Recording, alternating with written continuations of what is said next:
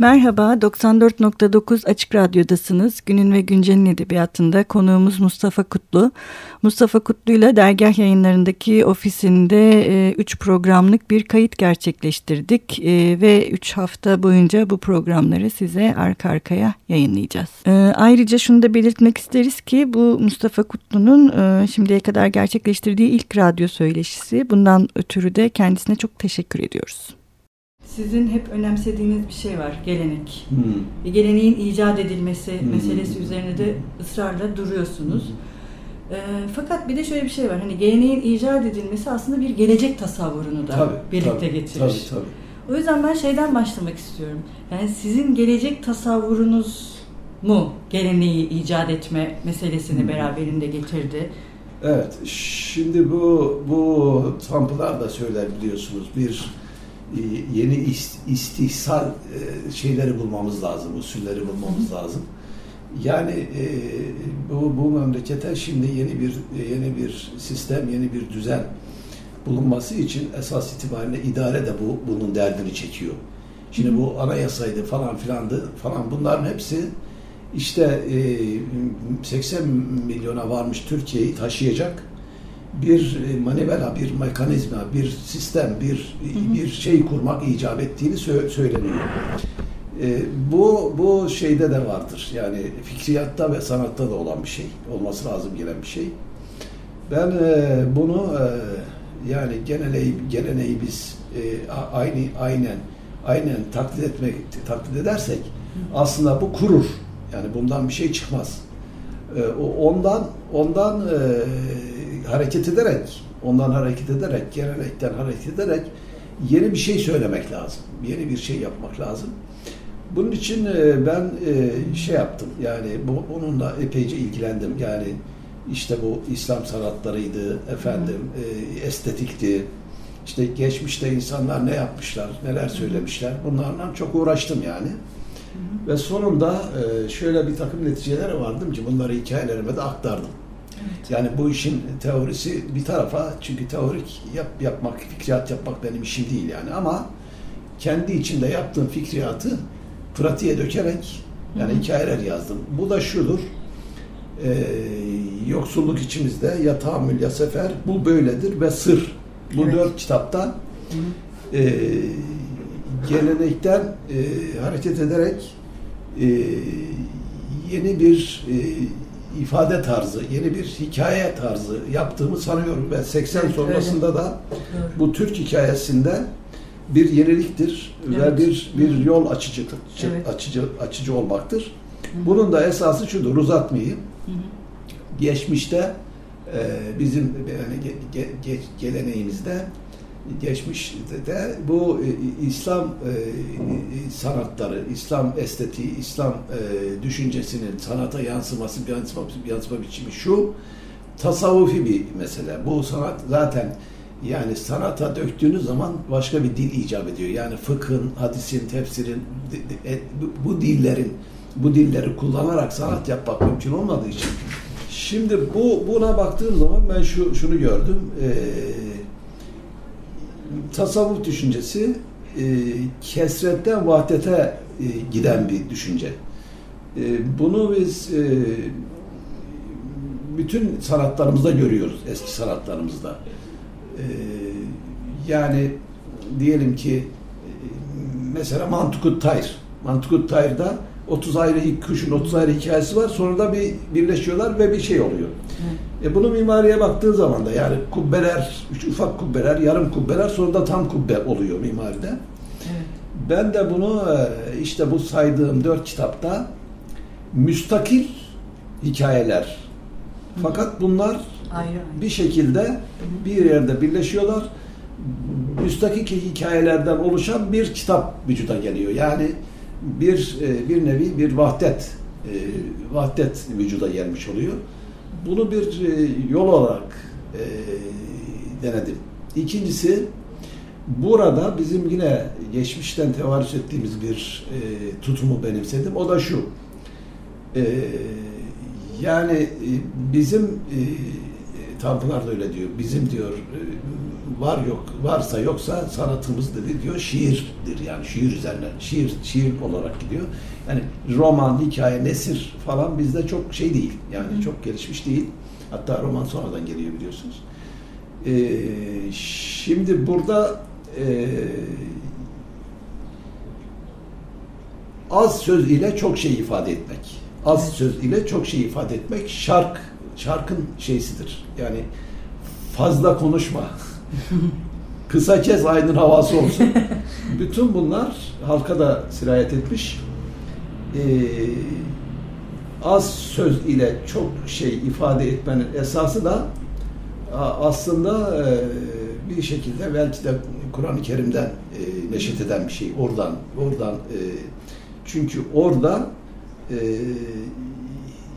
esası benim çok da kavrayamadığım aslında Elmalı'nın e, tefsirinin önüne 60 sayfa falan hikmetle ilgili bir şey yazmış. Bir, bir çünkü hikmet çok çok e, esaslı bir şey Kur'an-ı Kerim'de hikmet. E, fakat yine de ben hikmetin tam yani tam anladığımı söyleyemem. Yani hikmet hikmetli bir şey ifade. E, hikmet tabii bir şekilde bir bir ledünni ilimden gelen veya işte ayetlerden gelen veya insanlara ilhamla gelen veya e, hem bu dünyayı hem öte dünyayı çözmeye yarayacak bir takım ipuçları sayılabilir. Ben de e, yaptığım işin e, iki unsur üzerine bina edilmesini e, gözettim. Birisi e, muhtevaya dair olan şey o hikmettir. Yani varsa söyleyecek sözün o hikmettir.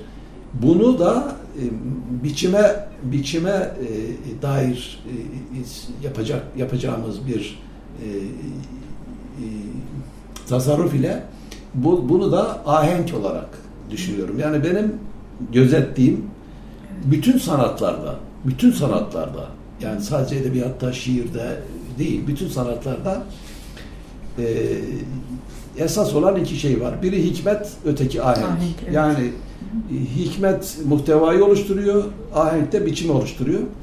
Yani e, söylediğiniz söz bir ahenkle muhatabına kavuşursa bunun bir e, bir tesir olacağını hı hı. düşünüyorum ve böyle olduğunu da geçmişten e, geçmişte görüyorum. Geçmişte gördüm. Geçmişte yapılanlarda bunu gördüm yani. Yani aruzun ahengi falan filan. Yani evet. diyorlar ki mesela efendim işte işte dört mefaülünden şiir yazmışlar. Aynı kalıp, aynı şey, aynı laf. Hayır öyle değil. Evet. Şu e, o kalıbın içerisinde sen farklı bir farklı bir bikri mazmun derler. Farklı bir şey söyleyeceksin. Yani kalıp aynı fakat sen farkını farkını fark ettireceksin. Hani evet. şimdi bir farkındalık diye bir şey var ya. Evet. Onu yapabilirsen e, bir, bir yaptığın şey bir işe yarıyor. Dolayısıyla hep e, bütün bütün divan şairlerine, bütün aynı kalıpla yazan adamlara aynı gözle bakmamak lazım. Evet. O eski e, şeyin eski kültürün eski efendim arena diyeceğim ona belki de eski arenanın içerisinde herkesin gösterdiği marifet başka türlü bir şey yani. Marifet. Marifet. Ee, şimdi tabii marifet kelimesi üzerinde de durmak lazım. Ben şimdi bir yazı yazdım yani bu milli eğitimle ilgili. Şimdi marifet, bizim marifet, marifet, marifin çoğuludur biliyorsunuz. Marif kelimesi efendim e, tamamen dini muhtevalı bir şeydir. Marif ilmi ledünle ilgili bir şey. Efendim ilmi batınla ilgili bir şey. Dolayısıyla e, Osmanlı dönemindeki e, mekteplerin e, adı e, mekteplerin efendim idaresi Marif Nazırlığına bırakılmıştır. Evet. Marif Nazırlığı da enteresandır. E, Osmanlı'da ikiye ayrılan efendim e, daha doğrusu iki koldan ilerleyen e, medrese ile yeni mektep mekteple medrese arasındaki e, idarenin e, mektep kısmına bakar. Yani Şeyhülislamlıktan çıkmış olmasına rağmen Evet. E, şeriye şeyden çıkmış olmasına ama mekteplere bakan bir şey marif. Evet. Marif marif esasen ilginçtir. E, marifetin çoğulu. Marifet biliyorsun işte hakikat efendim işte o anne nerede o dört tane makam vardı onu sayın. Evet. Efendim işte tarikat efendim işte ne o? Tarikat, marifet, hakikat. Yani bir dörtlü şey var ya mertebeler. Evet. İlginç bir şey. Cumhuriyeti geçtikten sonra da e, bakanlığın adı Marif Vekaletidir. Hı hı. Marif Vekaleti 46'ya kadar mı falan devam ediyor. Sonra Milli Eğitim oluyor. Demokrat Parti geçtikten sonra yine Marif Vekaleti oluyor. Daha sonra Milli Eğitim oluyor. Yani şimdi biz Milli Eğitimin temeline marifi koyarsak başka bir bakış açısı oluyor. Evet. Milli Eğitim dediğimiz zaman daha seküler bir şey hale gelmiş oluyor. Yani de, demek ki eskilerin marif dedikleri şey tahsil ve terbiyenin de bir, bir, bir şekilde şeyi yani temelini teşkil ediyor. Yani insanlara marifet kazandırmak. Evet. Marifet kazandırmak demek bugün marifet çok hafif manada alınıyor marifet. Marifet mi yaptığı şey dediğin ama o çok esaslı bir şey yani. Evet. Tasavvuf tas, tasavvufun hakikate varan, varan basamakların üçüncüsü. Evet. Sonu hakikat. Yani bu benim sanat anlayışımı da e, teşkil eden, yansıtan bir şey. Orada da şöyle bir takım noktalar ve basamaklar sayarsak önce akıl ve fikirden başlıyoruz. Akıl ve fikirle yürüyoruz bu yolda. Hakikate giden yolda akıl ve fikirle başlıyoruz. Fakat akıl ve fikrin ikinci durağı e, felsefe. Evet. Yani felsefe olmadan olmaz. Evet. Ondan sonrası, ondan sonra gelen şey daha soyut bir, daha soyut bir, bir kavram, daha soyut bir dünya. O da sanat. Evet. Sanat dünyasına geldiğimiz zaman e, kanatlanıyor, uçmaya başlıyor. Evet. Fakat e, onun da e, son durağı dindir. Evet. E, e, yani bir şekilde din dediğimiz şeye e, varmak için, bu hakikate varmak için buralardan geçmek zorundayız. Benim sanat anlayışıma da e, bu tür e, merhaleler yön vermiştir. Dolayısıyla ben e, geleneği geleneği böylece e, yeniden üretmek çünkü yeniden üretmezseniz aynen taklit ederseniz gelenek kurur yani. Evet. Ondan bir şey çıkmaz. Mazi perestlik gibi. Yeniden üretmek lazım. E, mesela diyelim ki bugün divan edebiyatının diliyle bir şiir yazmanın bir, bir manası yoktur. Çünkü o ölü bir dildir artık. Yani kolay kolay kimse de anlayamıyor zaten. Evet. O dolayısıyla onu yeniden üretmek lazım geleneği. Yeniden üretmek lazım. Bu yeniden üretmek kültürün bütün sahalarında efendim e, toplumsal hayatın bütün sahalarında kendini bir köke bağlı olarak bir köke bağlı olarak yeniden filiz vermek, yeniden yumrallaşmak üzere e, takip edilecek, takip edecek yolda e, bir bize bir kılavuz, bir e, bir bir temel, bir payanda, bir dayanak e, sağlıyor. Yani hem sanatım sanat e, evet. eserleri için için bunu bir şey alabiliriz. Tabi buradan hareket ediyorsak. Evet. Buradan hareket ediyorsak. Yani, hareket, hareket ettiğimiz nokta oradan. Buradan hareket ediyorsak çünkü e, geçmiş e, geçmiş sanatların, düşüncenin ve insan e, fiili, fiiliyatının, fiillerinin bütün e, rengi noktası, toplandığı nokta, il, e, nihai hedef Allah rızası içindir. Evet.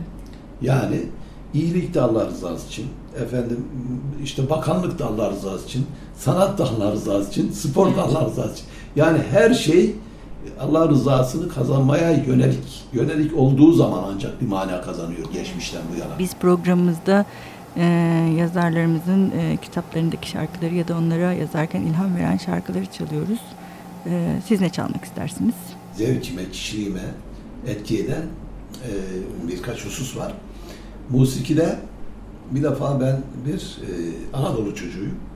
Şimdi çok moda bir laf var. Ben işte e, Bayrampaşa çocuğuyum. biz de Kasımpaşa çocuğuyuz. Çok moda şimdi bu. Arda Turan da öyle diyor biz öyle. efendim. E, Anadolu. Dolayısıyla e, türküleri çok severim. Türküden anlarım. Hı hı. E, ağızları falan fark ederim. Okuyuşları kimin nasıl okuduğunu anlarım, bilirim. Yani mesela Aysun Gültekin evet. olağanüstü bir sestir. Evet. Uzun havada olağanüstüdür. Hatta mistik denilebilecek bir şekilde okumaktadır. Yani kendinden geçiyor, sanki başka dünyalara gidiyor yani olağanüstü birisi. Bunun gibi sesleri fark ederim. Türküleri bilirim, türküden, türküden hoşlanırım. Çok musiki bilgim yok. Hı hı. Ama e, şarkılardan e, Dede Efendi'den bu yana yani öncesini öncesinin çok fazla hı hı. E, bilgi da bilgim dahilinde ve zevkimde değil. Onun o, o seviyeye çıkmadım. Yani ıtrileri falan filan onları bilemiyorum yani. Tabii tabii. Dinliyorum ayinleri falan ama çok fazla bir şey anladığımı söyleyemem. Ama Dede Efendi'den bu yana, Hacı Arif Bey'den bu yana en azından işte önem verdiğim ne bileyim Lemi Atlı'ydı, Bimen Şen'di. Efendim en son gelelim işte 40'ların sonunda çok sevdiğim Şükrü Tunar mesela. Evet. Onların şarkıları. Ama onların şarkılarının içerisinde Safiye Ayla, evet. Müzeyyen Serar'ın gençliği, Zeki Müren'in gençliği. Gençlikleri. Efendim, e, hatta Muazzez Aba'nın TRT'deki zamanı. Evet, eski zaman. Hatta Emel Sayın'ın TRT'deki zamanı. Sonradan gazino olmadan evvelki zamanlar. Bu dönemdeki şarkıları, besteleri ve şarkıları seviyorum. Daha sonra uyduruk evet. hale gelmeden önce. Bunların, bunların ve bir de Şimdi uzun bir bahis açmak lazım. Onu açmayalım. Ya Yeşilçam sineması Eski. yani du duygularımıza denk gelen, bizim nesline evet. denk gelen Yeşilçam sineması na Yeşilçam sinemasına ve bu bestelere bir selam e, göndermek üzere yazdığım Trende Bir Keman adlı kitabımda e, yer alan e, yani olayların akışına göre yer alan şarkıları beğeniyorum, seviyorum yani. O şarkıları çalabilirsin.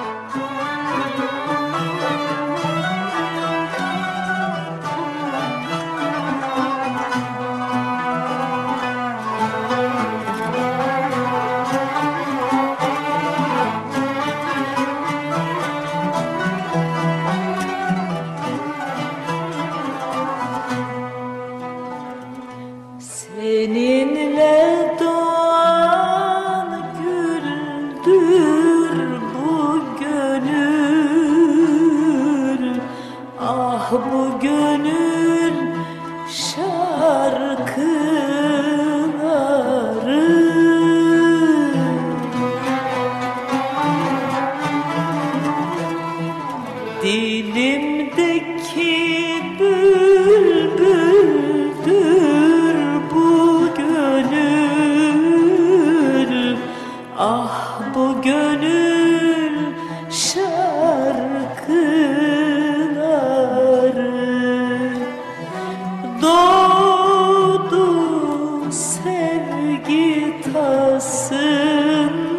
like a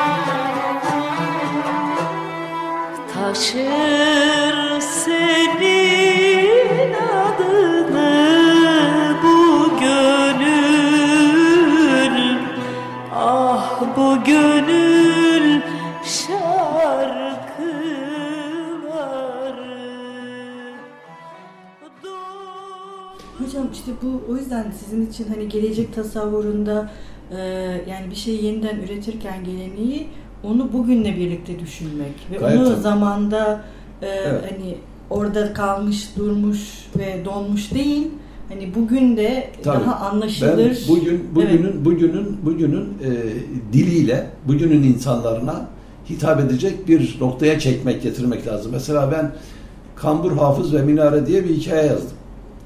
Bu Kambur Hafız ve Minare e, bayağı ben yani hoş bir hikayedir. Sonunda e, Kambur Kambur Hafız hikayenin içerisindeki Kambur Hafız e, minareden bakıp da gördüğü bir kıza aşık oluyor. Sonradan da e, bu aşk uğruna kendini minareden atıyor hikayede. Hikayede bu- bunu atan Kambur Hafız. Fakat bu Kambur Hafız'ın şeyi e, muadili bir adam kalkıp gelip yazarı buluyor. Mustafa Kutlu'yu Evet, buluyor. Diyor ki evet, diyor ki arkadaş sen bir şey yazmışsın, benim hikayemi yazmışsın diyor. Ondan sonra da, da intihar ediyorum diyor. Bu diyor şer şerife aykırıdır diyor. İntihar ne demek adam hafız. Ondan sonra sen diyor bunu düzelt. Mustafa Kutlu da diyor ki arkadaş bu bir hikayedir. Sen ne üzerine alıyorsun? Bu, bu diyor uyduruk bir şeydir. Sonra Sanat. sanat diyor ve aslında pek Evet. pek de çok fazla şey etme diyor. Yani sanat hakikaten uydurma bir şeydir esas itibariyle. Yok diyor ben kabul etmiyorum. Bunu diyor şey yap, düzelt diyor. Ondan sonra yeniden yaz. Ondan sonra işte yazar, yazarı da tamam diyor. ikinci baskıda ben yeniden yazacağım diyor. Ve kabul ettirdikten sonra da dışarı çıkarken diyor ki kendi kendine Kambur Hafız düşünüyor. Adam diyor yeni anladı ne- neyi nasıl yazacağını yeni anladı diyor. Şimdi bu e, hikayeyi e, Abdullah Uşman kardeşimiz de e, mektepte okuturken e, e, postmodern bir metin Evet. olarak okutmuş. Tabii ben postmodernliğin ne olduğunu, nasıl yazılacağını bilmeden yazmışım ama şu sebepten yazmışım. Bu hikaye nasıl yazılması lazım geliyorsa öyle yazıyorum. Ben yazdığım hikayeleri, kitapların nasıl yazılması lazım gelirse, nasıl, hangi diliyle, hangi biçimde yazılması lazım gelirse onu gözeterek Evet. yazıyorum ama bu e, kategorik olarak falan türe gidiyormuş, falan oluyormuş. Onları doğrusu ben bilmem yani. Tabii. Bir de hocam şey gibi hani söylediğiniz örnekte mesela kahramanın sizinle yani anlatıcıyla konuşması, anlatıcının hem anlatıcı hem yazarla konuşması. Mesela şey aklınıza geldi mi? Kahramanınızı dinlemek. Gerçekten ikinci baskıda değiştirmek. Hiç aklınıza geldi Evet, mi? o aklıma gelmedi ama şudur. e, şimdi yazarla kahramanın arasındaki ilişkiler e, uzun bir bahistir ondan sonra. Fakat ben şöyle düşünüyorum. Yani kahram esas marifet yazarın kahramanını bağımsız bırakabilmesidir. Evet.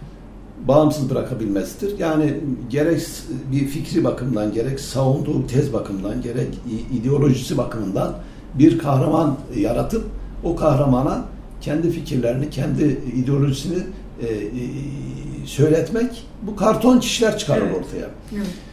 E, kahraman yazardan bağımsız olmalıdır diyoruz. Fakat bu ne kadar mümkün olabilir? Bu soruyu da soruyorum. Tabii. Bana göre bu yüzde yüz mümkün değildir. Evet. Her kahraman yazarından bir takım izler taşır. İkinci kategoride de şu var. Ee, kahramanı yazar olan metinler. Evet. Kahramanı yazar olan metinler, mesela bizim Selim İleri kendini yazar yani benim bildiğim. Çoğunlukla kendini ve çevresini yazar. Evet. Bu da burada da başarılı şeyler çıkabilir ortaya. Tabii. Çıkabilir yani. Ama burada bizi yazar aldatabilir. Tabii. Kendimi yazıyorum diye başka türlü şeyler yazabilir. Birçok Evet. şeyi saklayabilir. Birçok şeyi okuru yanlış yöne saptatabilir. E, Okur da bunu aa yazar zaten tanıyoruz bu öyledir di- diyebilir. Evet. E, burada bir burada bir şey vardır. Yani yazarın e, kıvırtabileceği numaralar vardır. Tabii. Bu biraz tehlikelidir bana göre. Dolayısıyla e, kendini yazan yazarların kahramanları e, çok daha e, şeydir, e, netamelidir. Yani orada çok ince bir çizgi var. O çizgiyi kaybederse Evet. yazar e, biraz zor, zor, zor duruma düşebilir yani. Evet, ayarlamak belki. Çünkü okuyucu onu hep işte kendini yazıyor diye e, aklından geçirir. Halbuki öyle değildir yani sonuç itibariyle. Dolayısıyla orası, orası çok ince bir çizgi. Öbür tarafta da e, yazarın kahramanlarını bağımsız kılması da çok kol- kolay ol- olan bir şey değil. Tabii. Yani bir şekilde yazarlık zor iş. Hocam biz programın sonunda e, e, konuğumuzun, yazarımızın okurları ve dinleyicilerimiz için okuduğu bir parçayla veda ediyoruz. E, bu ilk programımızın sonunda siz neyle veda etmek istersiniz? Ben de e, daha önce konuştuğum, konuştuğum programlarda sözünü ettiğimiz gibi Derya Dergisi'nin arka kapağında yer alan levha sayılabilecek küçük e, metinlerden size okuyayım. Peki hocam, buyurun. Birincisinin adı Türk. Şöyle başlıyor. Kimsenin adamı değilim. Adımı duvarlara yazmasınlar. Ne Ç kadar yakışıklıyım, ne ABD kadar vahşi. Kendi halinde biriyim. Beni denemesinler. Kim bilir ne kadar kuvvetliyim. Ringe çıktığım zaman vurduğumu devirebilirim. Hey Türk, sen kimsin? Gökyüzüne bak görürsün diyeceğim ama körsün. İyisi mi toprağa tut kulağını, şühedanın anlattığı destanı dinle. Senin çivili çizmelerin var, çocukların yüzüne basıyorsun. İşkence de bir sanattır. Sana alçak diyeceğim ama o da nihayet bir sıfattır. Sızlanmak bana yakışmaz. Kendi halinde biriyim. Yedi kat yerin dibine gömsen toprak dostumdur, diriyim. Ben gönül yapmakla görevliyim. Sen can almaya devam et. Bir gün elbet görüşeceğiz. Evvela adalet, sonu adalet. Kim olduğumu sormuştun, dinle. İbrahim milletindenim, Hazreti Peygamber ümmetinden. Senin bastığın yerde ot bitmezken ben üç kıtayı mamur edenim. Hey sen, para ile sevişen gladyatör. Seni kim markalayıp vitrine koydu? Hayasını kaybetmiş kimse o, sanmasın beni de kumpasına sığdırır. Çoklarına güvendim ben. Çoğunu maziye göndüm. Kime güvendimse tosbağa çıktı. Tecrübeliyim ben. Bana strateji gerekmez. Ne takdir ne teşekkür. Serapa, ciddiyetten yontulmuş bir vefayım ben. Refaha karnım toktur ve konfora. Ne silah isterim ne makyaj. Sümürüye karşıyım. Ancak mecburiyet tahtında yapılır savaş. Çağ nedir ki çağdaşlık ne olsun? İlerleme diyorsun, varsın senin olsun. Ne vakte kadar sürecek bu yağma, bu tekebbür? Oysa gün, gün akşamlıdır. Bugün bana, yarın sana. Ben kanaat makamına çıkmışım yavrum. Hamasete bağlama. İslam'ın çekilmiş kılıcıyım. Emaneti kucak, kucaklamış gidiyorum ezelden ebede. Yarı yolda düşersem eğer, ne demiş şair? Sana ağuşunu açmış duruyor peygamber.